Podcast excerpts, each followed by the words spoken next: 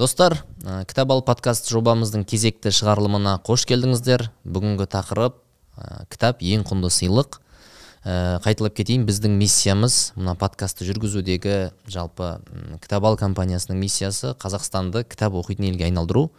Ә, соның бір бөлігі кітап сыйлау мәдениеті деген ә, нәрсені насихаттау бізге өте маңызды болып тұр.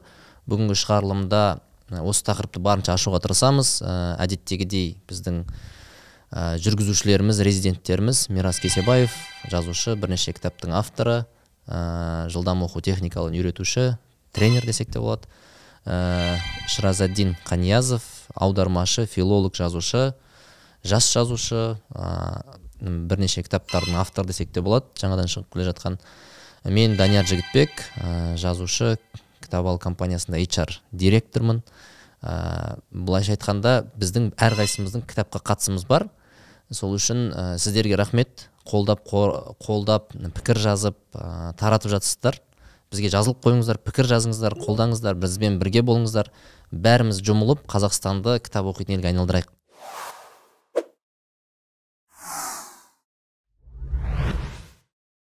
Жігіттер ә, бүгінгі тақырып енді кітап ең құнды сыйлық ең құнды сыйлық. Неге ең құнды сыйлық екенін біз ашуға тырысайық. Енді мәке сізге сұрақ. Сіз енді сізге кітап сыйлаған адам болды ғой енді өміріңізде. Ә, соны бір айта кетсеңіз. Ал әсеріңіз бір оқиға оқиғадан бастайықшы. Сізге кітап сыйлады кім сыйлады қашан сыйлады қай кітап сыйлады? Және сіздің әсеріңіз сол туралы бір айтсаңыз. Осы сұрақты кеше ойланып отырып есіме түсірдім.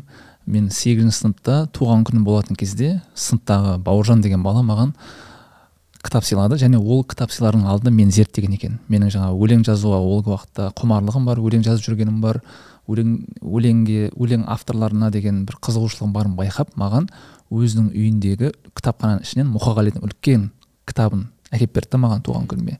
Маған қатты әсер етті. Өйткені өзімде мұқағалидың кітабы жоқ болатын. Ана кітапты оқығаннан кейін тіптен мен өлең жазу шеберлігімді арта бастады. Өйткені мұқағалиға еліктей бастайсың. Yeah. анау қалың кітап ішіндегі бүкіл поэмалар да аққулар ұйықтағанда райымбек бүкілі бар бүкіл өлеңдер бар. жұқа болып келетін еді ғой анау қалыңы түскен анау ксро кезінде шыққан. Иә. Оның анашы да анасы да мұғалім болатын. Соған байланысты ішінде ең жас кітапты әкеліп беріпті.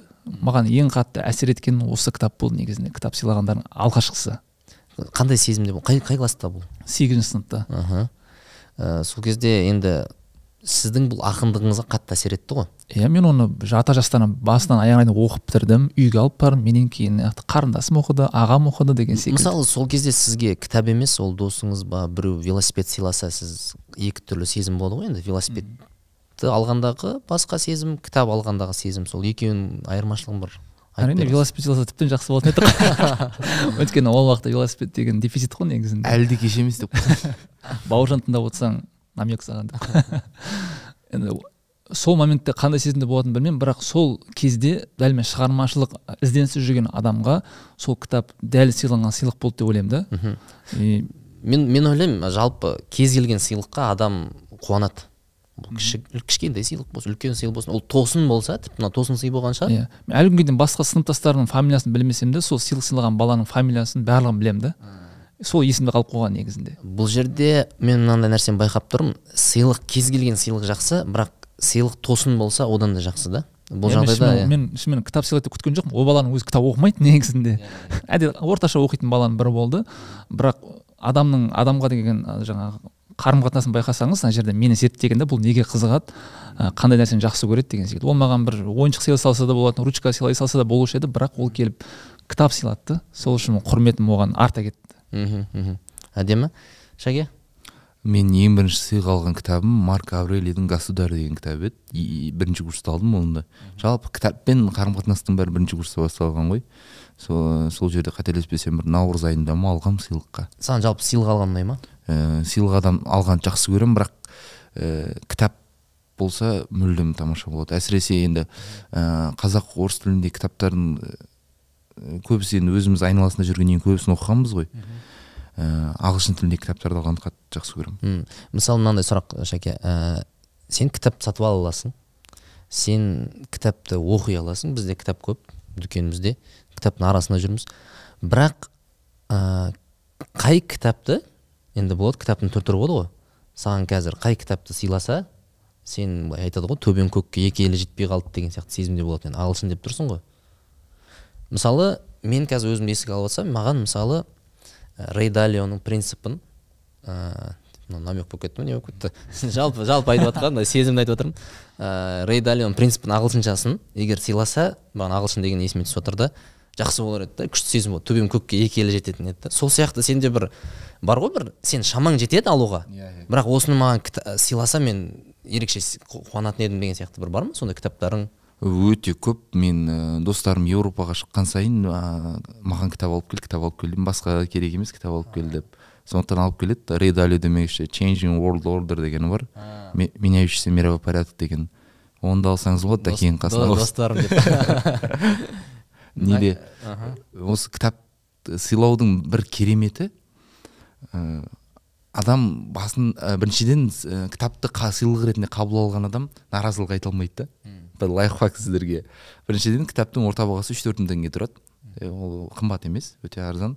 Және көзге көрінеді және интеллектуал бір адам ретінде көрініп қаласыз да кітап сыйлағанда. Оның енді несінің бар ә, қаптайтының бар кетсе да. максимум бес мың болады. Ә, қымбат пакетке салып әдемі қылып бергеннің өзінде.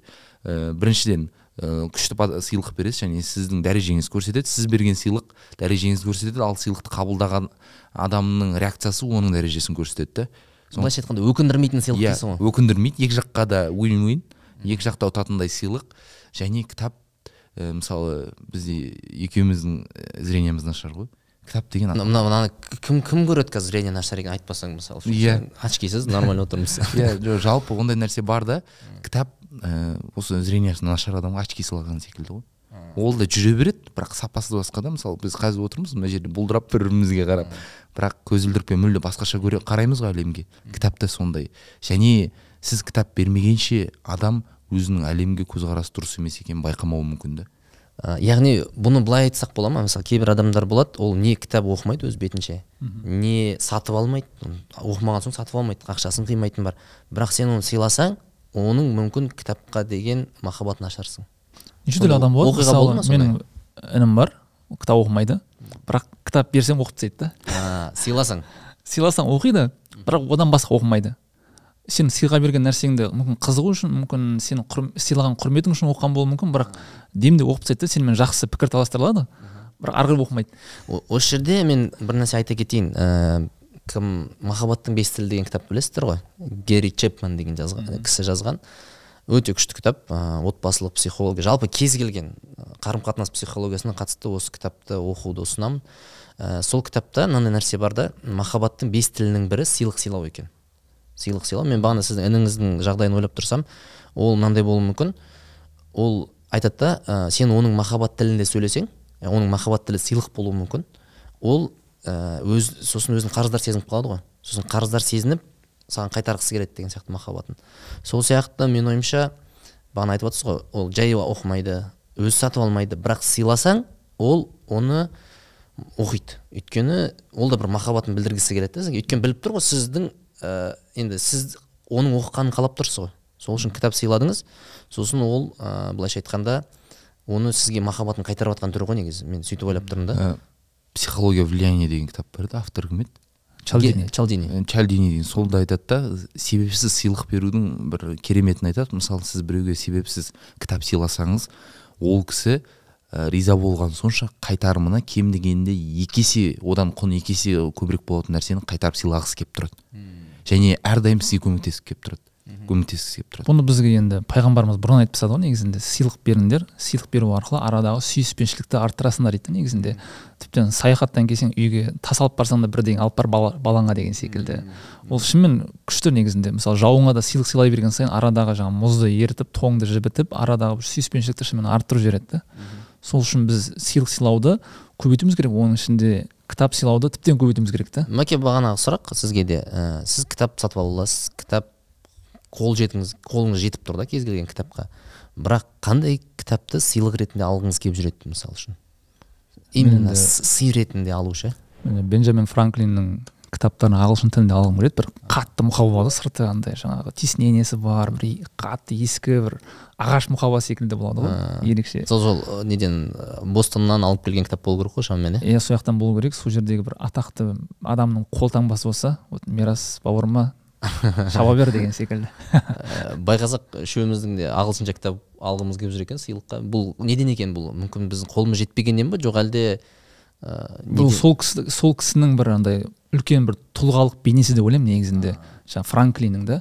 Әйтпесе дәл қазір мен оны орысшасын да оқи аламын қазақшасын да оқи аламын немесе электрон нұсқасын да жүктеп оқи аламын да ағылшын тілінде.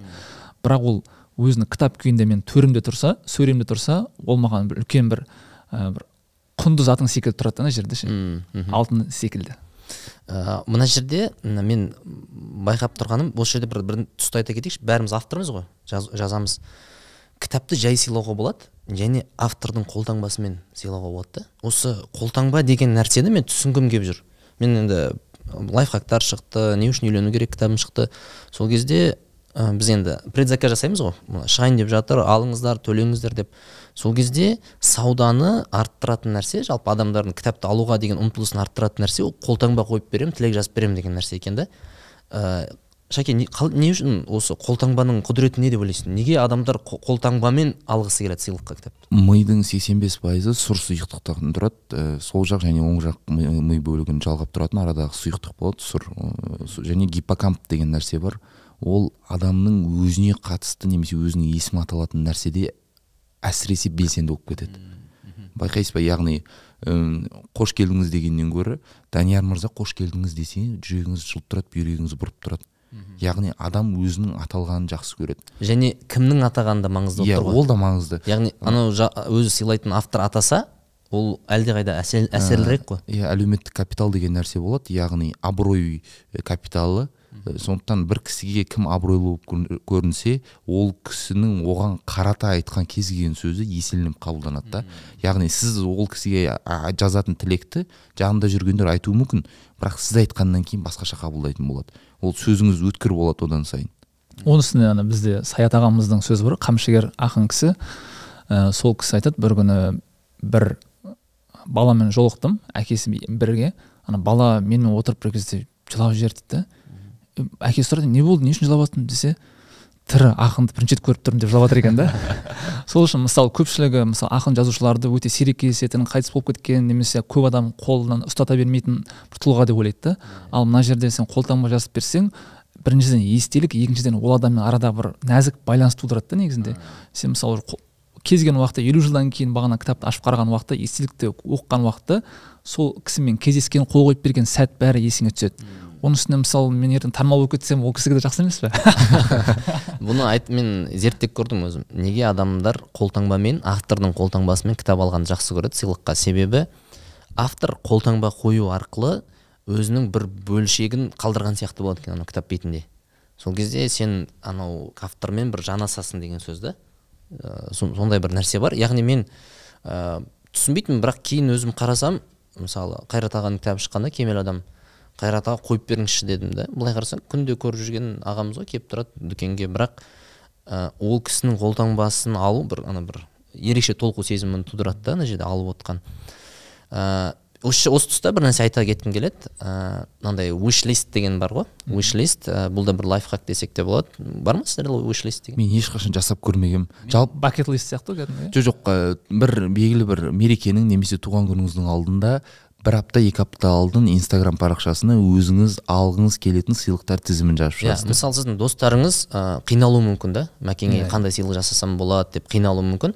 Бірақ сіз wish list деген өзі қызық нәрсе. Ол жерде ол, ол тізімдегі нәрсенің бәрін өзіңіз шамаңыз жетеді негізі ала салуға ше сатып алуға. Бірақ оның фишкасы ә, бағанағы сіз айтып жатқан ә, сүйіспеншілікті арттыру деген момент бар. Яғни оның шамасы жетеді ана нәрсені сатып алуға.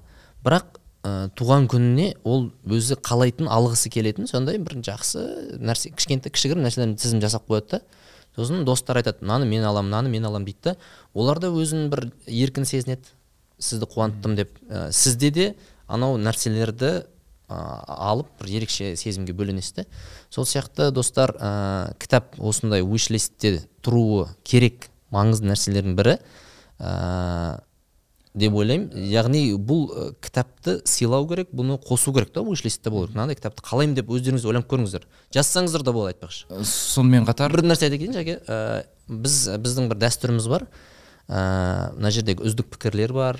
Үздік деген критерий әртүрлі болуы мүмкін. Кейде тақырыпқа сай кейде үздік ә, wish лист болуы мүмкін да ол. Сол үшін ә, комментарий жазыңыздар. Қандай кітап алғыңыз келеді мысалы үшін сыйлыққа? Біз ә, біздің дәстүріміз бойынша біз ә, әр аптада үш адамға сыйлық жасаймыз. Өзіміздің критерийлерімізге қарай. Сол үшін бағын сынап көріңіз ештеңе жоғалтпайсыз. Иә. Иә сонымен қатар осы алдымызда жиырма екі жиырма екінші наурыз келе жатыр рамазан келе жатыр. Сыйлықтың нағыз атылатын сәті ғой. Нағыз wish лист жасап иә. қойған кезі. Ә, біз кітап ал формасындағы wish лист формасын жасап қоямыз. Сол арқылы өзіңіз кітаптардың тізімін жазсаңыз болады. Яғни кітап алдың дизайнімен жаңа қолтаңба дегенде ойлап отырмын да. Қолтаңбаның бір жақсы жері біреу сенің кітабыңды келіп үйіңе келіп сұрап тұрса ана кітап маған берші оқиын десе бермейсің да сен оған өйткені "е, болмайды мына автордың мына даниярдың мына жерде шыраздың маған қолтаңбасы бар. Ертең жоғалтып алсаң не болады? Бұл маған өте ыстық дейсің да. Сенде бермеуге былай айтқанда толық сылтау бар да мына жерде. Және өзің өзің бір ылғи ұстап жүресің жаңа өзің қайта қайта оқып тұрасың кейде жаңа қа- бір қарап қоясың деген сияқты ғой негізі сондай нелер бар да. Және кітаптың керемет жері мысалы киім сыйласаң кең болып қалуы мүмкін немесе тар болып қалуы мүмкін да. Иә. ал кітап сыйласаң ол кез келген уақытта бір күшті эмоция сыйлайтын нәрсе да негізінде сондай бір артықшылығы бар. Былай мынаны ойланып көрейікші мысалы кітаптың орта бағасы үш мың теңге да. Кітаптан басқа құндылығы жағынан мәні жағынан миссиясы жағынан сондай бағада не беруге болады? Басқа бір ойланып көрейікші шынымен. Тамақ бере алмайсың. Тамақ уже бір екі сағаттан кейін баратын жеріне кетіп қалады уже. Иә. Жоқ қалай тамақ бересіз? Киім алты айдан кейін тозып қалады. Мхм. Үш мың теңге не киім келеді? Мысалы шәке бағана ыыы мәкең айтты ғой ініме сыйладым деп. Сен сен сыйлық алғаныңды айттың иә? Енді қашан сыйладың соңғы рет кітап. Кімге сыйладың сонда? Көп қалай, қалай таңдадың кітапты? Міне оқырманда тыңдармандарға қызық болуы мүмкін. Кітап сыйлаймын деп шешім қабылдадың. Қалай таңдайсың мысалы үшін сыйлықты? Мен кітапты сыйлай э, сыйлайын деп жатқан адам табиғатына айналып жүрген ісіне және жасына қараймын. Мысалы соңғы кітапты сенбі күні сыйладым мен. Сенбі күні өзімнің достарыма ә, иманигүл және кішкентай балалары бар. Соларға әлидің бастан кешкендер деген. Екі екіден соны тө- екі отбасыға төрт комплект сыйладым. Мм. Негізі айтады ғой мысалы біз сыйлық сыйлаймыз да ол кітапты оқымауы мүмкін қойып қоюы мүмкін бір жерге. Мысалы иманигүлді оқымауы мүмкін ол. Бірақ ә, ода бір ішкі бір ізденіс болады ғой. Бір құдайды іздеуі мүмкін бір кезде. Бір сол кезде оның есіне бағанағы ә, не бар еді? Беріп еді ғой деген сияқты нәрсе. Иманигүлді беріп еді ғой деп иманигүлді алып сұрақтарына жауап таба бастайды. Ал мысалы киімді өйте алмайсың ғой. Мысалы киімді киюім керек еді деген сияқты. Тозып кетуі мүмкін оған кішкентай болып қалады деген сияқты. Бірақ кітаптың өміршеңдігі бар да бұл жерде. Және ол сыйлық ретінде ол он жылдан кейін де жемісін беруі мүмкін да. Қайрат аға алла разы болсын. Ә, ол кісінің кемел адам деген кітабы әмбебап кітап та үлкен кісіге де ер кісіге де әйел кісіге де студентке де бәріне бере бересің да.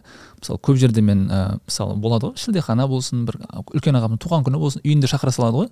Сондай уақытта көбінесе ақша алып барасың да. Ал мен соңғы уақытта енді сол беретін ақшаның көлемінде кітап алып баратын болдым. Өйткені ол кітапты бір күн болмаса жаңа сіз айтқандай бір күн оқиды негізінде. Және кемел адамды оқыған адамдардың да пікірі өте жақсы да. Ол жерде үлкен кісі де оқып бір пайда алады жастар да оқып бір пайда алады осы жерде сыйланған кітаптың адамның өмірін құтқарып қалған бір оқиғаны айтқым келіп тұр. Бұны бізге бір ағамыз баяндап берген. Ә, ол ағамыздың бір алыс туысқаны бар екен. Ә, бір күні сол туысқанның үйіне барады. Барса ана кісі өлесі мас жатыр дейді. Қатты ішетін кісі болған дейді. М, сөйтіп сол күні барады да біз кітап алып барған екен пайғамбарымыз өмірбаян алып барған екен. Қай кітап екенін білмеймін. Мүмкін жүрек төріне орын алған теңдесі тұлға мұхаммед болуы мүмкін немесе адамзаттың асыл тәжі болуы мүмкін. Сөйтіп барады енді ана кісі өлесі мас сөйле сөйлей алмайды. Сонымен жарайды деп жаңағы әкелген кітабын төсегінің басына қалдырып кетіп қалады. Кейін бір аптадан кейін бағанағы мас болған кісі бұған хабарласады. Өткенде келіпсің байқадым дейді мен сол күні ә, осы ішіп жүргеніме күйініп соңғы рет өліп ішіп одан кейін өз өзіме қол жұмсаймын деп шештім дейді да. Сол үшін мен сол күні максимум іштім дейді да. Бітті одан кейін осымен бітеді өмірім деген секілді. Сөйтіп ә, ай, айыққаннан кейін бағанағы ойға алған ісімді жасайын деп ойладым дейді. Қарасам кітап тұр екен дейді. Сенің әкеліп бергеніңді түсіндім. Қарай салайыншы деп қарап едім. Ары қарай уже алғашқы бетінен ары қарай мені кітаптың ішіне сүңгітіп алып кетті. Ана кітапты оқып отырып біздің жаңа пайғамбарымыздың өмір сүрген өмірбаянын қиындығын әртүрлі жаңағы өмір сүру миссиясын бәрін түсіндім дейді ананы оқып менің бүкіл бағана өзіме қол жұмсау деген жаман ойдың барлығы жойылып кетті дейді кетіп қалды. Ана кітап менің өмірімді солай өзгертті мен бұдан кейін ешқашан ішпеймін деп өзіме ант бердім дейді өмірімді қолға аламын деп не қылдым. Мен сен сол кітап алған бері уже арада жеті күн өтті соның алты күнінде мен мүлдем татып алған емеспін дейді қарап отырсаңыз бір кітап бір адамның өмірін құтқарып тұр және дұрыс жолға түсуіне себеп тұр. Соның барлығы бағанағы кісінің сыйлап кеткені әсер етіп тұр да негізі себеп болып тұр. Сосын мына нәрсе айта салайыншы. Мысалы мен өзім кемел адамды оннан астам мәрте оқыдым. Енді жұмыс мен өзім қызығып болсын. Ә, сонда кітап бір екі әлемнің арты, ортасындағы бір портал секілді да ә, біріншіден адам өзі кітапқа ашылу керек. Екіншіден кітап сол адамға ашылу керек та және екеуінің сол ашылған сәті тұспа тұс келу керек. Әйтпесе кітапты толық түсіне алмайды. Ә, кітап екінші үшінші қайталағанда ғана ашылады. Бір қайталағаннан аш, ашу өте қиын кітапты. Көбінесе жақсы кітап сондай болады. Ә, ал бір оқығаннан түсінетін кітап демек ол жеңіл жеңіл болады да ол. Нәтижесі де солай болады. Жеңіл өтіп кететін болады. Ал көбінесе шынымен құнды өміріңді өзгертетін кітаптар есігін үш төрт рет қағуды талап ететін кітаптар болады. Ә, есікті қағу дегеннен шығады. Яғни ә, бір сыйлау ол есікті қатты қағу ғой негізі бір адамға бір кітапты ұсыну сыйлау. Ә, және мен көрмеппін мынандай адамды бір нәрсе сыйласаң жалпы керек емес деп. Алады ғой бәрібір де. Алған олжа алған олжа былай не қайтарып тастайды деген моментті көрмеппін мен. Ә, сосын мен біз енді подкаст түсіріп жатырмыз мына жобаны қолға алып жатырмыз. Менің енді әр подкасттың әр жұмыстың бір ниеті болады да. Менің бір ішкі ниетім осы подкастты көрген адамдар ә, жалпы кітап сыйлау мәдениеті қалыптасса бізде. Яғни мысалы болады ғой қонаққа баратасың бізде енді аналарымыздан көргеніміз коробка конфет алып алады. Ол коробка конфет айналып жүреді сосын. Мынау біле бар ғой жағдай. Мата былай алады сосын мына кісі анаған сыйлайды сосын бір уақытта қарасаң уақыт өтіп кетіпті ананың конфеттің. Анау конфет енді құр қол бармау деген жақсы нәрсе бар. Құр қол жібермеу деген бізде қазақта жақсы дәстүріміз бар да. Бірақ енді сол конфетті орнына кітап жүрсе немесе біз енді кітап жазумен айналысамыз ғой. Конфет сияқты кітаптар шығарсақшы деймін да. Срок годности жоқ дейсің ғой айнала береді. айнала береді. Сосын біз жалпы шәкең біледі ә, шәкеңнің бір жақсы тұсы мен ақылдасатын тұсы ол андай не вкус дейді. Талғам жақсы. Сол үшін мен өз кітаптарымның дизайнын шәкеңмен ақылдасамын сол кезде біз не үшін үйлену керек деген кітапты былтыр шығардық. Мынандай екі жүрек шығады ә, кітап көргендер болса ә, сол кітапты біз ә, жасағанда ниет сондай болды. Яғни мынау кітап ә, сыйлық ретінде болсыншы деген сияқты. Яғни кітап жазушылардың кітап жазушылар ретінде біздің ә, ниетіміз тек қана кітап жазу емес. Сонымен қатар ә, ол сыйлық сияқты жақсы кетсін деп мұқабасына да мән береміз да. Яғни ол кейін болашақта оқылады және сыйланады деген ниетпен кітапты жазсаң басқаша жасайсың. Дұрыс қой. Мен ойлаймын енді елестетіңіз бізде қазір сондай бір не қалыптасса тренд. Коробка конфеттің орнына кітап сыйлайды да. Конфеттің пішінде жасайды кітапты. Яғни тематика. Мысалы кейде бізде қазір болып жатыр ғой тұсаукесерлерде анау. Білмеймін бұл жақында шыққан нәрсе негізі бұрын болмаған ғой. Домбыра қойып қояды ақша қойып қояды кітап қойып қояды да. Ол қуантарлық нәрсе. Өйткені ана кітапты ұстаса енді ғалым болады анау мынау деп бір өзінше не істейді ғой ырымдайды ғой. Бірақ кітап бар да ол жерде. Ә, мен сол нәрсеге өте қуанамын. Сол үшін ә, құрметті оқырмандар тыңдармандар осыны бір қалыптастырайық. Осы бір мәдениетті ә, таратайық кітап. Сосын сіздер ұсыныс жазсаңыздар да болады. Кітапты былай жасаңыздаршы енді. Ә, дизайн мынандай болсыншы сыйлаған ыңғайлы болсын деген сияқты. Ішкі несінен бөлек? Білім мен кітап мынандай мәселе да Э, мен өзім мынандай әлемді ар, армандаймын да. Кітап оқымайтын адам өзін жалаңаш сезінетін бір әлемді армандаймын да. Кітап оқымайтын адам бір өзін біртүрлі сезінсін өзін бір артта қалып қойған сияқты сезінетіндей бір әлем болу керек та бізде. Қоғам сондай болу керек. Яғни мысалы біреу ішіп жүрсе ұялып ішіп жүреді ғой. Сол секілді. Қазір қазір сондай болып келе жатыр. Иә қазір бұрын ашықтан ашық ішсе- ішсе қазір иә. иә халал тойларда қазір енді өтірік болсын кітаптың бетін ашатындай бір заманға келуіміз керек та біз. Өтірік болсын құшақтап жүретін иә мысалы адамның ә, киім киімі жоқ болса бірден байқалады ғой. Бірақ білімі жоқ болса оны кейін ғана байқайсыз да. Иә. оны байқағанда кеш болуы мүмкін. Сондықтан біз кітап сыйлап үйретуіміз керек адамдарды. Кітап сыйлаған кезде де негізінде талғаммен сыйлауды үйренуіміз керек сияқты. Бұл да бір этикет бұл да бір әдеп. Мысалы енді сыйлануға лайық кітаптардың төресі ғой құран кітап та бірақ оны мысалы діннен алыс жүрген адамға бірден берсең бір әдепсіз болып қалады да оған бір тықпалаған секілді оны бір тура жолға өзің салып жібергің келіп тұрған секілді болып қалады да. Ондай адамға бірінші қарапайым бір кітап сыйлауың керек. Ә, адамды ойландыратын деген секілді. Ал ис- исламға қызығып жүрген адамға құран кітап сыйласаң ол тура дөп түскен секілді боласың да. Мысалы оқушыға екінші сыныптың баласына е әр қазақ оқу керек деп міндеттеп абай жолын сыйлап жүрсең де болмайды. Өйткені оның деңгейіне абай жолы әлі келмейді да оған менің атым қожаны сыйлаған жақсы да. Немесе жаңағы балықшаққа саяхат деген секілді. Ал жоғары сынып оқушыларына оны ойландыратын миссиясына көмектесетін кітаптарды сыйласаң құба құп болады негізінде. Осы тұста бір нәрсе қоса кетсем байқайсыз ба көбінесе былай діннен алыс былай кішкене жаман әдеттері бар таныстарыңыз болса оларға бірден діни кітап сыйласаңыз кішкене тәкаппарлық сияқты болады да ол. Яғни сен осылай жүрсің адасып жүрсің сен. адасып жүрсің. Мен сені жұмаққа кіргізейін иә. негізі ол жалпы психологияда ұнамайды ғой мысалы. Отбасы психологиясында мысалы ері әйелін әйелі ерін бір түзеткісі келсе өзгерткісі келеді. Жалпы анау несі дұрыс емес? Мысалы м, сөзің аузында шәке мысалы маған кейде жазады оқырмандар. Мен ә, күйеуім осындай ә, жеке даму жолына түскенін қалаймын. Қандай кітап оқуға кеңес бересіз? дейді да мен бірден түсінемін қараңыз сіздің ә, жалпы ұстанымыңыздың өзі қазір мына жерде кішкене дұрыс еместеу болып тұр. Өйткені ә, жалпы адамды түзетем деп ойлау ол конфликтке апарады да. Түбі дұрыс емес нәрселерге апарады. Яғни ә, сіз оданша мен қалай жа- ә, жақсы жар бола аламын деп кітап іздеп көріңіз мысалы үшін. Өйткені біреуді түзетем десең оны түзете алмайсың. Адам қай кезде өзгереді? Адам өз еркімен өзгерем деп шешім қабылдағанда өзгереді. А ол сіздің өзгергеніңізді көріп өзгергісі келуі мүмкін. Не оқып жатрсың кәне кәне қарап көрейін деп. Иә иә иә иә. Ол мысалы мен жақсы жар болу деген енді ондай бізде кітап бар ма? Жоқ па білмеймін. Көп мысал қой үшін. иә мысалы мен бақытты әйел болайын ең бақытты әйел болайын деген сияқты. Яғни анау кісінің о бастағы запросы қате болып тұр негізі. Өйткені ол түзетем деп тұр да. Ол енді ойлаңыз а, мен оған айтамын окей міне осындай бір күйеуіңді жөндейтін бір кітап ал мысалы қандай болуы мүмкін? Жалпы бір кітапты ұсынайыншы мысалы мынаны оқы лайфхактарды оқы дей салайын енді. Сонымен ә, екінші болманы оқы мысалы кәсіпкер болсын күйеуіңіз бір нәрсе деп беріп жіберсем ол ана ниеті ананы түзету ниетімен барады анау күйеуі оқымауы мүмкін. одан нәтиже күтеді еще. Нәтиже күтеді иә. Неге оқымайсың сен деген нәрсе? Иә сол кезде мынау бағана сіз айтқан кітап сыйлау мәдениетіне кішкене қайшы келіп тұр да М- міндеп кітап сыйлау бар, бар да кітап сыйлау. Андай мінеп тұрып яғни сен осындайсың деп кітап сыйлау бір бөлек жанашырлықпен кітап сыйлау бір бөлек та жаңа сырымбек тау ағамыздың сөзі де бар ғой. Бірінші өзіңді өзгерт одан кейін төріңді өзгерт. Төрің деген үйің ғой енді.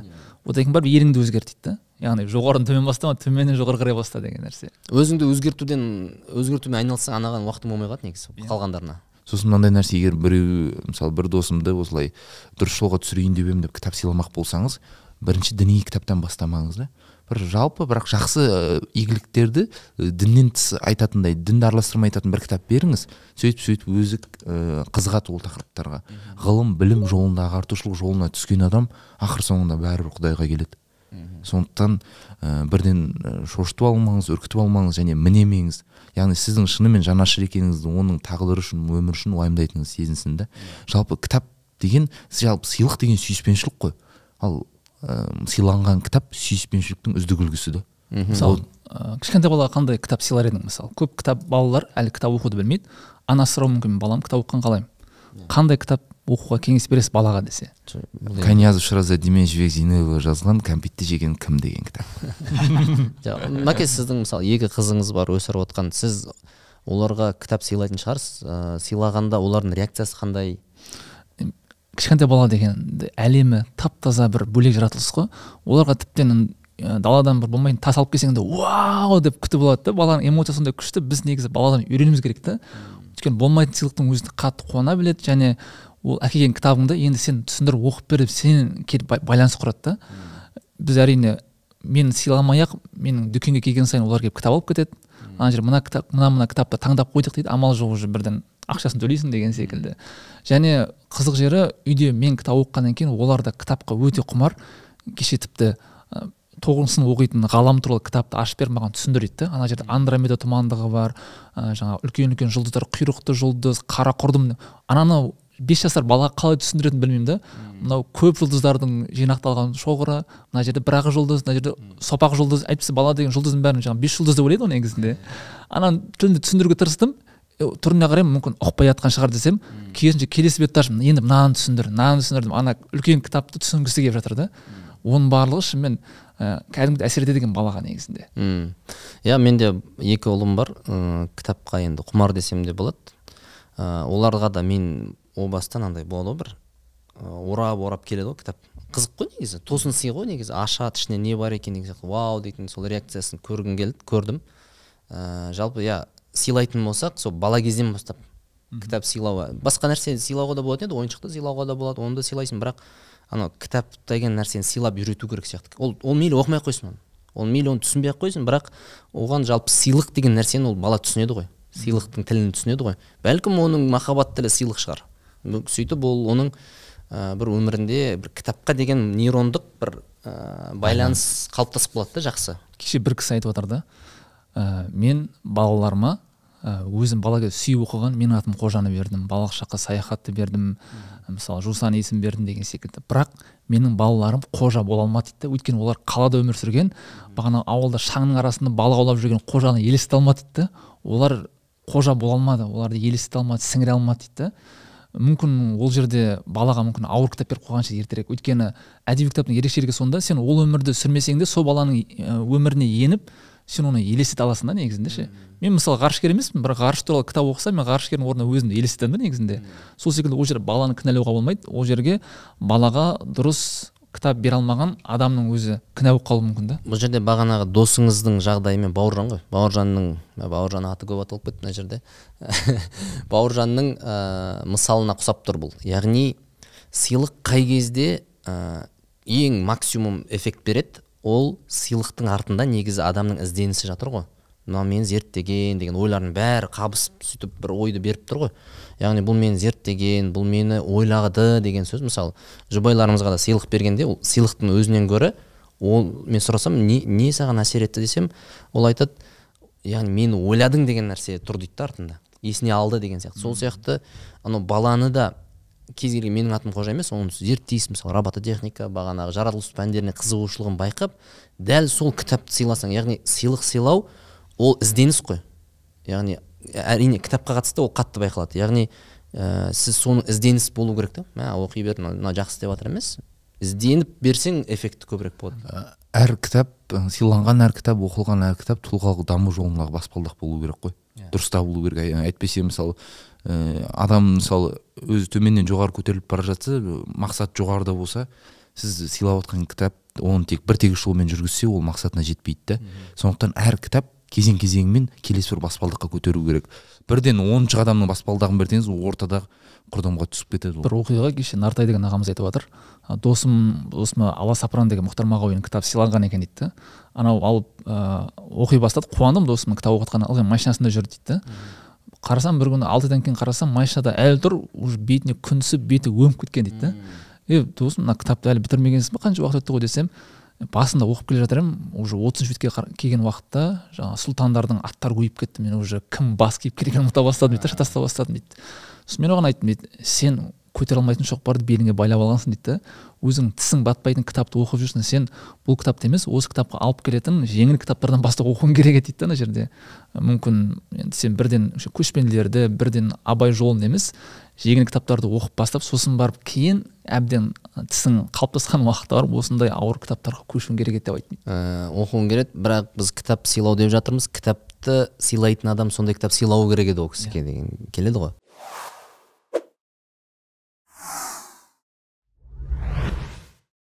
Ә, мен осы тұста біздің кітап ал компаниясының ә, жасап жатқан жобасы ауылға кітап деген жоба жайлы айта кеткім келіп тұр. Ә, бұл жерде де кітап сыйлау деген нәрсе бар. Ә, жоба қалай жүзеге асып жатыр мысалы қазір осы уақытқа дейін қырыққа жуық ә, ауыл мектебіне кітаптарымыз жетті. Ә, бұл жерде жалпы жұмыс істеу алгоритмі былай. Ә, біз бізде біз кітап басамыз біз кітап жазамыз бізде кітап қоры бар. Ә, бірақ ә, бәрі қаржыға келіп тіреледі сосын енді біз ауылды жерге барып оны сатып жүргеніміз де біртүрлі. Өйткені кітап оқы кітап бізде әдетте кітап оқитын оқығысы келетін адамдар өздері келіп алады. Енді ә, мүмкін кітапқа деген әлі махаббаты ояна қоймаған жерлерге біз барып сатсақ ол біртүрлі көрінеді. Біз осы кітап ең құнды сыйлық. Біз біліп тұрмыз кітап сыйланса оны оның кітап сатып алғаннан гөрі оны мәжбүрлеп оқытқаннан гөрі кітапты сыйлау адамды кітап оқытқызу ықтималдығы жоғарырақ оқып кету ықтимал. Сол үшін енді біз ауыл ауылға әртүрлі қалан қазақстанның нүктелеріне ә, осы сыйлық болып барсыншы деген ниетпен мынандай осы ауылға кітап жобасын бастадық. Әр ауылдың жанашырлары бар түлектері бар ұстаздары бар ә, белгілі бір ақша қорын жинайды жүз елу мың теңге. Ол жеңілдікпен елу кітап елу кітап ә, бағанағы конфетка кітаптар сырты мұқабасы жақсы. Дейл карнеги қазақша сөйлейді ә, наполеон хилл қазақша сөйлейді атым әдеттер қазақша сөйлейді. Сол сияқты өзіміздің заманауи авторлар. Енді анау конфетка кітаптар біз өйткені сыртқы мұқабасына қатты мән бердік. Өйткені кітап оқымайтын адам қызығатындай болсыншы деп. Сосын іші де пайдалы тартымды. Енді қазір трендтегі тұлғалық дамудан бастайды екен көбі. Оқушылар үшін өте маңызды кітап. Оқушылар үшін маңызды кітаптарды елу кітапты іріктедік. Осы топ болып. Сөйтіп ә, ол кітаптардың тізімін жасадық. Бағасы сол жеңілдікпен жүз елу мың теңге болады дедік. Дедік сосын ә, жер жерден кәсіпкерлер ауылдың жанашырлары айтты. Біз өз ауылымызға сыйлағымыз келеді осы кітаптарды деп. Сөйтіп қырыққа жуық өте жақсы көрсеткіш үш көрсеткіш үш айда қырыққа жуық ә, бұл жерде және бір ә, айта кетерлігі бір кәсіпкер алмайды да көп жағдайда.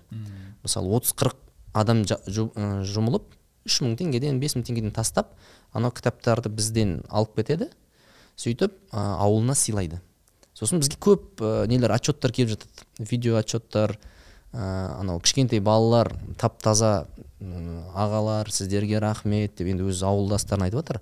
Бізге кітап сыйлағандарыңызға рахмет деп ә, сыйлық ретінде алып жатыр да. Ә, сыйлықтың рөлі. Мынау кітап неге ең құнды сыйлық деген бұны біз бұның жемісін құдай қаласа бес он жылда көреміз деп ойлаймыз. Осылай енді, енді барлық мың оқушы оқып кетпесе де сол ауылдағы бір біреу оқысыншы. Біреу оқыса көз ашылса кәдімгідей бір үлкен қозғалыс болады. Сол үшін достар ә, сіздерді де шақырамын. Осы жобаға қатысуға. Өз ауылдарыңыз бізде қазақстанда бес мыңға жуық ауыл бар дейді. Біз енді осы жылға жүз ауылды қамтамасыз етсек деген ниетіміз болып тұр. Бірақ бұл жоба жалғаса береді. Біз білеміз бізде қарекет бар асаруме бар. Олар ә, үймен азық түлікпен қамтамасыз етеді. Керек ондай қорлар бірақ бізде принцип ә, балық берме қармақ бер. Яғни біз ә, кітап оқуға үйретейікші. Кітап оқуды үйренген адам ол өз бетінше ізденуді үйренеді. Ол өз өмірлік өміріндегі жолын тез табады деп ойлаймыз. Осы тұста сыйлық демекші үстімізде керемет кеудешені ұсынған елжан қазақ бренд компаниясына алғыс айтамыз. Сіздің сөзіңіз қостай кетсем бес он жылдан кейін жемісін көреміз дедіңіз ғой. Ойлап қарасам кітап прививка сияқты екен да. Кішкентай бала жылайды ғой алғысы келмей. Бірақ соны ә, шақалақ кезінде алғаннан кейін өмір бойы жемісін көреді да. Қаншама бәледен аулақ болады. Сол секілді сіздің қазір бір танысыңыз жақыныңыз жылап жатырқап кітаптан бас тартып жатса сіз шегініп басылып қалмаңыз. Одан сайын ғылымға білімге қызықтырыңыз кітап сыйлай беріңіз. Ол жемісін бес он жылдан кейін көреді және сізге алғысын айтатын болады. Мына аула кітапқа қатысты бізді оқушылар ә, әлеуметтік желіде белгілеп бізге рахметін айтып жатады да қарасаңыздар кітапты ауылға алып барады бір сөреге бүкіл кітаптарымды салып қояды суретке түсіріп жібереді жаңағы волонтер. Міне аманатты орындадым кітаптарды қойдым дейді. Келесі күні қайтадан сол полканы суретке түсіріп жібереді ана сөре жүз пайыз бос қалған да. Өйткені балалар бүкіл кітап талап алып кетіп қалған. Бәрі оқып жатыр. Не үшін өйткені оларға бұл кітап қызық қажет тіл үйренуге уақытын жүйелеуге табанды болуға ерік жігерін күшейтуге деген секілді. Ал көптеген кітапханаларда ол балаларға қызық емес кітаптар болып қалуы мүмкін. Советтік заманның кітаптары. Иә мысалы президенттің жолдауы болып қалуы мүмкін немесе стратегия деген кітаптар болып қалуы мүмкін. Ол бесінші сыныптың баласына қызық емес та мүмкін үлкен кісілерге қызық болуы мүмкін. Ал балаларға бағана кітаптар қызық. Бұл мына мысалға келеді да мысалы эндрю карнеги деген үлкен магнат кісі америкада. Ол бір үш мыңға жуық кітапхана ашқан да бүкіл республика бойынша ше. Сөйтіп үш мыңға жуық кітапхана өте сұмдық қой негізінде. Мен байқағаным ол білімге жұмсаған ақшасы ешқашан азаймаған да ол кісі ешқашан кедей болып қалмаған. Енді осы тегін кітапханалардан білім алған кісілердің баласы қазіргі уақытта марсқа айға ракета ұшырып электронды машина ойлап тауып жатыр да негізінде илон маск негізі сол эндрю карнегилерге не ғой қарыздар ғой негізі. Иә иә. Енді бізде осы ауылға барып жатқан кітаптарды оқыған жастар сол жастардың өзі де мықты болады. Ал олардың балалары одан бес алты есе мықты болады да негізі. Иә иә. Мен енді анау қараймын да жүз елу мың теңге деп өткен жолы бір әнші бір тойға шыққаны миллион теңге дейді. Бір блогер ә, бір сторизі миллион теңге дейді да. Мен енді ойлап тұрмын ә, бізде біз айтып жатырмыз ғой кітап сыйлау мәдениетін қалыптастырсақ. Мынау ауылға кітап деген ол сыйлықтың төресі. Яғни анау алты мен ойлаймын миллион дегенде менің миымда алты ауыл жүр да. Мынау миллион теңгесіне білмеймін не істеп барамын. Машинасын соға ма бір бәле істеуі мүмкін ол? Бір нәрсе машинасын өртеуі мүмкін ол? Сосын оған просмотр жиналады. Бірақ ә, қандай пайда? Елге қандай пайда? Өзіне қандай пайда? Ә, ақшасын қалай дұрыс қолданып жатыр иә? Ал енді ойлашы сол мен, мен ойлаймын бізде қазір біз осы тақырыпқа келеміз. Кітапқа ақша жұмсау дегенге ақырын ойысып келе жатырмыз. Бірақ ә, бұл қайырымдылық деп қарасақ болады ғой мәке? Иә болашақ үшін жасалған инвестиция деп қарасақ иә бізде көбі қайырымдылық дегенде былай ойлайды бағанағы. Қайырымдылық қорлардан ақша береді. Енді нәтижесі тез көрінеді ғой ол жерде. Жинадың ә, сбор еміне жазылып кетті. О күшті сезінесің өзің. Ақша жинадың азық түлік әпердің. Ақша жинадың үй әпердің. Бірден көрінеді нәтижесі. Сөйтіп өз өзіңді жұбатасың. Мен ә, қайырымдылыққа ақша бердім бос жүрген жоқпын болды деп. Кейде адамдар мен байқаймын қайырымдылыққа ақшаны өзін кінәлі сезінбеу үшін береді екен. Яғни біреу келіп сұрайды. Беріп құтылайыншы иә өзімді енді кінә сезімінен арылайын дейді да бере салады. Бірақ мен айтар едім бізде ә, кітап сыйлау сыйлау деген қайырымдылықпен жанасады. Бұл жерде ә, біз енді шырылдап жатырмыз мына жерде подкаст түсіріп даусымыз жеткен жерге дейін ә, осындай жоба бастап жатырмыз. Менің ә, бастысы тұрақтылық яғни біз аула кітап жобасын өз күшімізбен еріктілердің күшін де атай кету керек. Бұл жерде жер жерде мысалы мынандай болды. Мобилогр жігіттер бар өз ауылдарын түсіріп кәдімгідей контент жасап таратып жүрген ә, сосын ә, өзі тренинг жүргізетін жігіттер бар. Яғни біз тек қана кітап жеткізіп жатқан жоқпыз. Біз ә, кітап жеткізіп жатырмыз. Сосын кітапқа ақша жұмсау деген нәрсені жеп- ә, идеяны жеткізіп жатырмыз. Кітап оқу сондай ақ ә, анау бағана еріктілерімізге рахмет айту керек. Біз тек қана компания ретінде біздің шамамыз жетпейтін еді еріктілеріміз барып ана жерде өзінің енді ә, түлектер ғой бұрынғы. Түлек өзі қал- ауылына барып балаларға шабыт беріп жатыр. Оқырмандар клубын ашып жатыр жер жерде. Сол үшін бұл қозғалысты одан әрі дамыту керек ә, деп ойлаймын. Мынаны бір ә, сызып нұреке не істеу керек? Ә, рекке жіберу керек мына таралу керек деп ойлаймын. Ә, осындай ойлар. Мен қоса кетейін неде. Ә, бір маңызды нәрсе бар да бізді көріп отқан кітап оқитын адамдар кітап сыйлайтын адамдар. Енді оқымайтын адам сыйламайды ғой. Сондықтан оқып отқан адамдар бір нәрсені білу керек. Әрдайым сіздерге де айтып жүремін білесіздер. Біз әдемі жүруіміз керек. Біз күшті жүруіміз керек. Біз жарқырауымыз керек. Сонда ғана жастарды кітапқа қызықтыра аламыз. Әйтпесе қазір қоғамда бос нәрсе арзан ойынға еріп әуестеніп жүрген адамдар әдемі жүргеннен кейін қымбат көлік мініп жүргеннен кейін жастар сондай өмір үшін болмайтын нәрсе істеуім керек екен. Сонда ғана андай жетістікке жетемін деп ойлайды. мен оны байқаған болатынмын. Кейде мектепке кездесуге барасың ғой оқушылардан сұрайсың кім әнші болғысы келеді десең ана жерде тұрған жүз адамның кемінде жетпіс пайызы қол көтереді. Кім блогер болғысы келеді десең тағы да осындай алпыс жетпіс пайыз адам қолын көтереді да негізінде. Кім осындай мысалы программист болғысы келеді десең ана жерде аз ғана адам көтереді да. Тракторист десең вообще ешкім қол көтермейді негізінде ше. Әйтпесе әр істің маманы болу бір өз бір өзгеше бір жауапкершілік қой негізінде. Бұның барлығын үйретіп тастаған біздің жаңағы қоғамдағы сондай әртүрлі бағдарламалар деп ойлаймын негізінде. Және осындай былай айтқанда жақсы нәрсемен толтырмасаң ол жаман нәрсемен толады да. Ә, бұл осы кітап секілді нәрсенің барлығы сол кеңістіктегі жақсы нәрсенің санын көбейту ғой негізінде біздің жасап жатқанымыз кеше бір комментарийға бір кісі жазып жатыр екен тек кітап оқитын өзім деп ойлаушы едім қазақстанда деп бар екен ғой деп. Иә, сол иә. секілді мынандай да адам бір ә, комьюнитиде болғанды жақсы көреді. Яғни кітап оқитын адамдар бір үлкен күш болып бірігу керек. Және Иә, қазақстанның болашағы сол кісілерде кітап оқитын адамдарда олар өзін бір үлкен ә, комьюнитидің мүшесі ретінде сезінуі керек.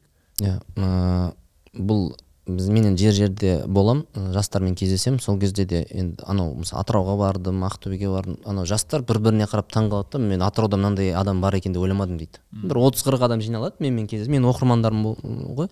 Сосын айтады да мен бұндай деп ойламаппын дейді да. Сол сияқты мен мынандай түйін шығарам. Ә, жамандықтың етек жаю үшін жақсылықтың ә, үндемей қойғаны жеткілікті. Біз ә, подкаст жазу арқылы осындай ауылға кітап жобасын жасау арқылы ә, үнімізді шығарып жатырмыз үндемей қоймай жатырмыз. Сол үшін құдайға шүкір ә, қаралымдар жақсы болып жатыр та- таратып жатсыздар. Сол үшін достар ә, пікір жазыңыздар көбірек таратыңыздар. Әзірге сондай болып тұр енді. Ә, сол, сол үшін мына ауылға кітап деген жоба құдай қаласа менің ойымша бір 5-10 жылда жемісін береді деп ойлаймын. Бұл қозғалыс қой енді ақырын ақырын. Қазір елу кітап кейін біздің де кітап басу кітап жазу мүмкіншіліктеріміз кеңейеді деп ойлаймын. Ә, осы тұста енді біз айтып жатырмыз ә, бұл жерде ақша қаржыға келіп тіреліп жатыр. Бағанағы адам ә, біреудің еміне ақша жұмсағысы келеді да ә, үйіне алып беруге. Бірақ кітапқа десең біз, бізде сондай тәжірибе болды. Кәсіпкерлер жинап жіберіңіздер десем онша бір сараңдық таныта ма? Жоқ әлде сараңдық демей ақ қояйын ә, бір пайдасын көр, маңызын көрмей тұруы мүмкін да. Жалпы осы, осы тұста біз бір ә, тақырып қоя өтсек келесі ә, ақша кітапқа ақша жұмсау деген нәрсе. Бұл жер кең тақырып. Бұл жерде кейбіреулер электронды кітабын ала саламын деп ойлайды. Мысалы сатып алмай. Ә, болмаса мынау қымбат қой дейді. Адам қымбат деуінің өзі шәке сенің бір мысалдарың бар ғой. қымбат деуінің өзі мен негізі айтамын қымбат арзан деген түсінік жоқ. қымбат арзан деген жоқ. Ол тек қана сенің беретін құндылығыңа байланысты ол. Егер сен оны құнды деп ойласаң саған бес мың теңге арзан болады. Егер сен оны құнсыз деп ойласаң сен оны қымбат деп айтасың. Осы тұста кітапқа ақша жұмсау туралы мәке бір өзіңіз айтарыңыз болса ыыы өзіңіз қаншалықты көп жұмсайсыз кітапқа?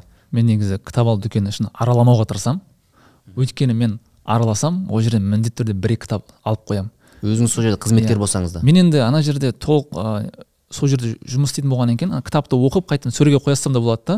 Бірақ мен енді қазір бір сондай бір деңгейдемін олай жасау мен үшін бір ағаттық болушы еді негізінде. Мен ана жерден бір кітапты алып оқыдым ба мен оны ақысы ретінде мен оны сатып алуым керек. Өйткені мен оған қазір ақшам да жетеді. Және мен оған ә, сондай бір деңгейдемін. Ә, ол кітапты мен сызып арасында қажетті жерлерін астына коммент жазып деген сөйтіп оқуым керек та. Және кітапқа жұмсайтын ақшамды санамауға тырысамын санасам мүмкін алмай қоямын деп қорқамын да. Тура сол секілді маған кітаптың қымбат болған секілді маған мысалы спорт товарлар өте қым, өте құнды да маған. Сол үшін мен спорт товар сататын магазиндерге кірмеуге тырысамын. Кірсем мен ол жерден міндетті түрде бір нәрсе алып қоюым мүмкін. Мысалы мен шаңғымен айналысқан уақытта шаңғының бүкіл экипировкасына 500 мыңнан көп ақша кетті да. Мен оны өзіме құнды денсаулыққа пайдалы зат ретінде көрген үшін маған андай қымбат ретінде көрінбеді Көрінбейді. көрінбейді. Ал дәл сондай ретінде мен басқа бір затты алатын болсам ол маған қымбат ретінде көрінуші еді. бес жүз мың ойбай не деген ақша деген секілді. Сол секілді кітапқа да мен біраз айына кемінде кемінде жүз мың теңге жұмсалатынын білемін. Және ол маған қымбат ретінде көрінбейді. Сіздің ым, сол кітап дүкенінде істейтініңізді ескерсек кітапты кез келген уақытта алып оқи беретініңізді ескерсек те сатып аласыз деген сөз ғой. Иә оның кейбір үштен бірін жұрттарға сыйлық ретінде береміз қалғаны өзімнің сөйлемде тұрады сізде бір іштей өкініш болмайды ғой. Мысалы мен мына кітапқа жұмсадым бір он мың теңге сыйлық ретінде кетеді бірақ іштей бір марқаю сезім болады ғой бір өкініш сезім болмайды ғой. Ол мына сияқты өзің ұнаған затты алған уақытта сен бәрібір оны ақтап аласың да ұрынып қалсаң да сен оны ақ- ақтап аласың ақтап аласың мысалы біреулер машина сатып алса е бұл машинаны бұған дейін қыз айдаған екен жұмысқа барып келген екен деген секілді өзін ақтап алады ғой негізінде. Дәл сол секілді болады да. Бұл кітап менің болашағыма жасалған инвестиция. Маған да пайда келтіреді. Үйден отбасым да оқиды деген секілді болады да. Шәке мен де кітап алғанды жақсы көремін кітап сатып алғанды жақсы көремін және сатып алған кітап қана жұғымды болады деп ойлаймын неге осылай? Көп айтады адам ә, тегін нәрсенің қадірін білмейді. Сосын мынандай бір тығылып оқыған сияқты болады ғой бір иә Ә, ал адам ақша төлесе миы барынша ә, зейінді болып тұрады да. Ақша төледім сығып алайын енді ішіндегі мәліметті. Ә, бұл психологияда бар нәрсе емес Иә. па андай? Ә, бір нәрсе бердің ал, алуың керек деген сияқты. Иә ол міндетті түрде адам ашырақ болады ақша бергеннен кейін. Талап етіп тұрады. Мысалы сіз ә, бір ә, тамақ тегін жесеңіз үндемей тыныш отырасыз ғой.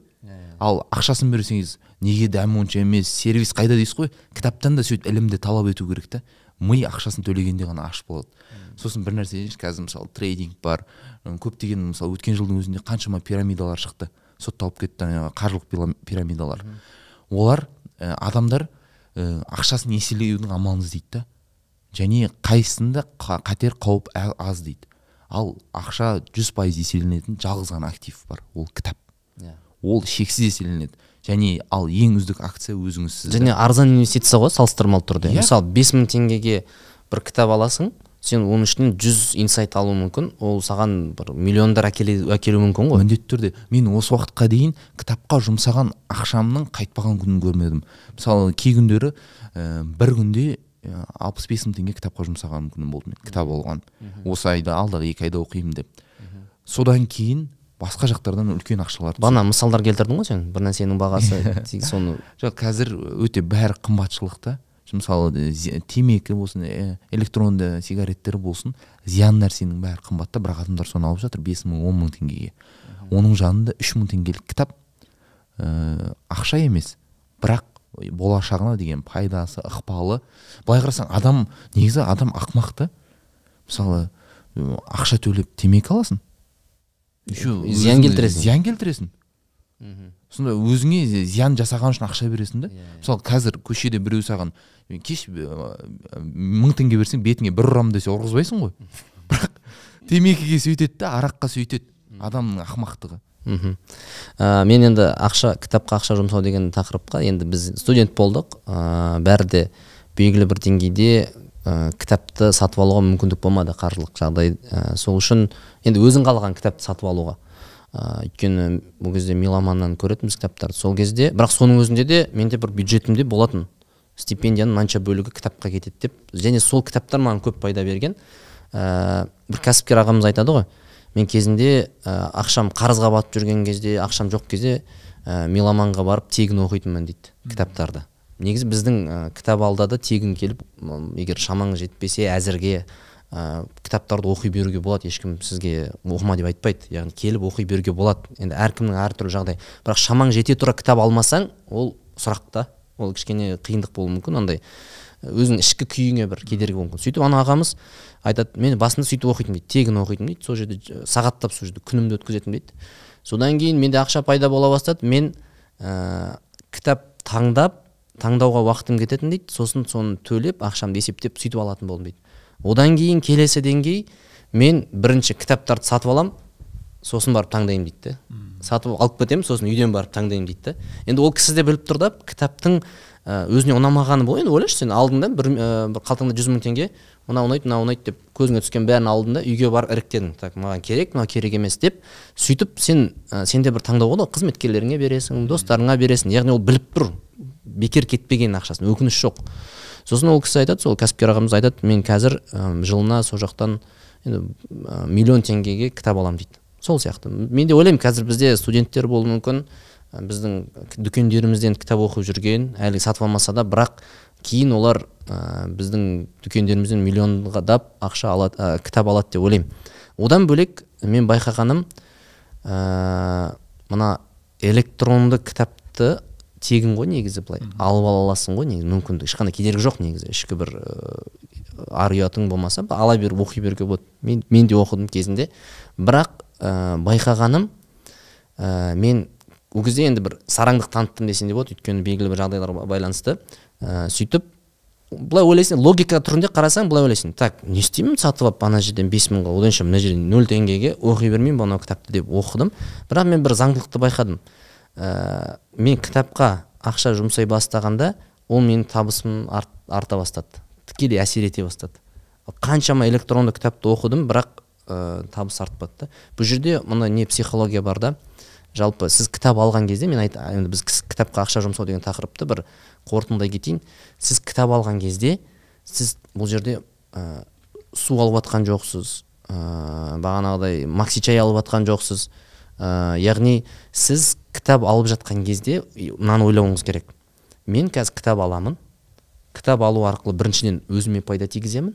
Екіншіден келесі кітаптың басылуына ақша жұмсаймын. Егер ешкім кітап алмай қойса біздің де кәсібіміз дөңгелемейтін еді. Біздің де жалпы ағартушылық миссиямыз жылжымайтын еді.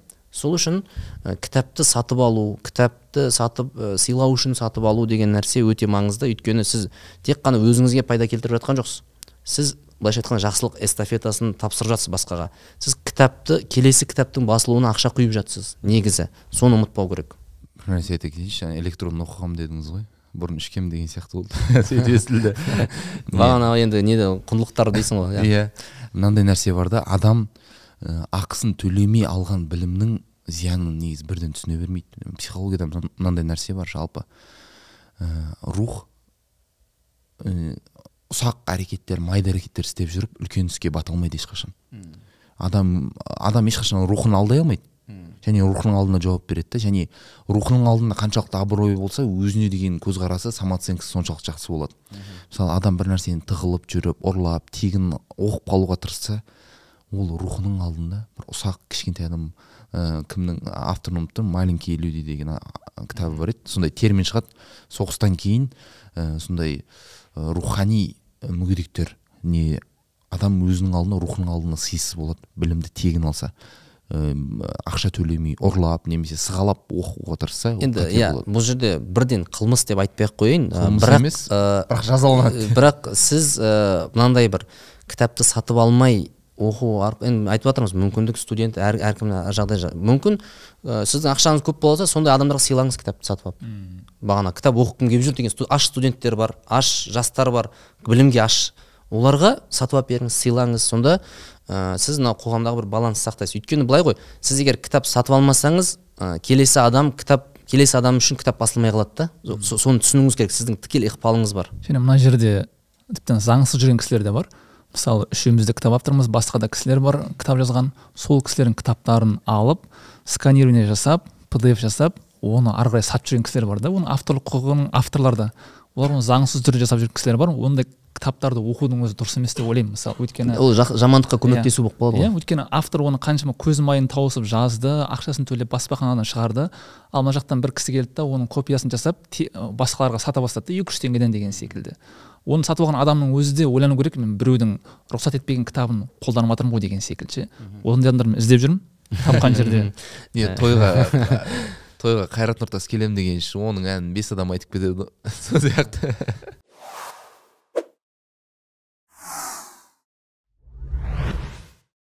Ә, жақсы жігіттер рахмет. Ә, кітап сыйлау кітап сатып алу деген тақырыптарды барынша аштық деп ойлаймын. Ә, енді достар сіздер де пікір қалдырыңыздар бағана ұмытпаңыздар. Ә, жалпы кез келген пікір жаза беріңіздер. Ә, жалпы қандай кітапты сыйлыққа алғыңыз келеді деп жазып қойыңыз. Мүмкін сіздің досыңыз сіздің комментарийіңізді көріп қалар ә, та, енді досыңызды белгілеп кетіңіз деп жоқ белгілемей ақ қойсын тосын сый болсын. Жалпы қандай кітап алғыңыз келеді соны жаза кетіңіз.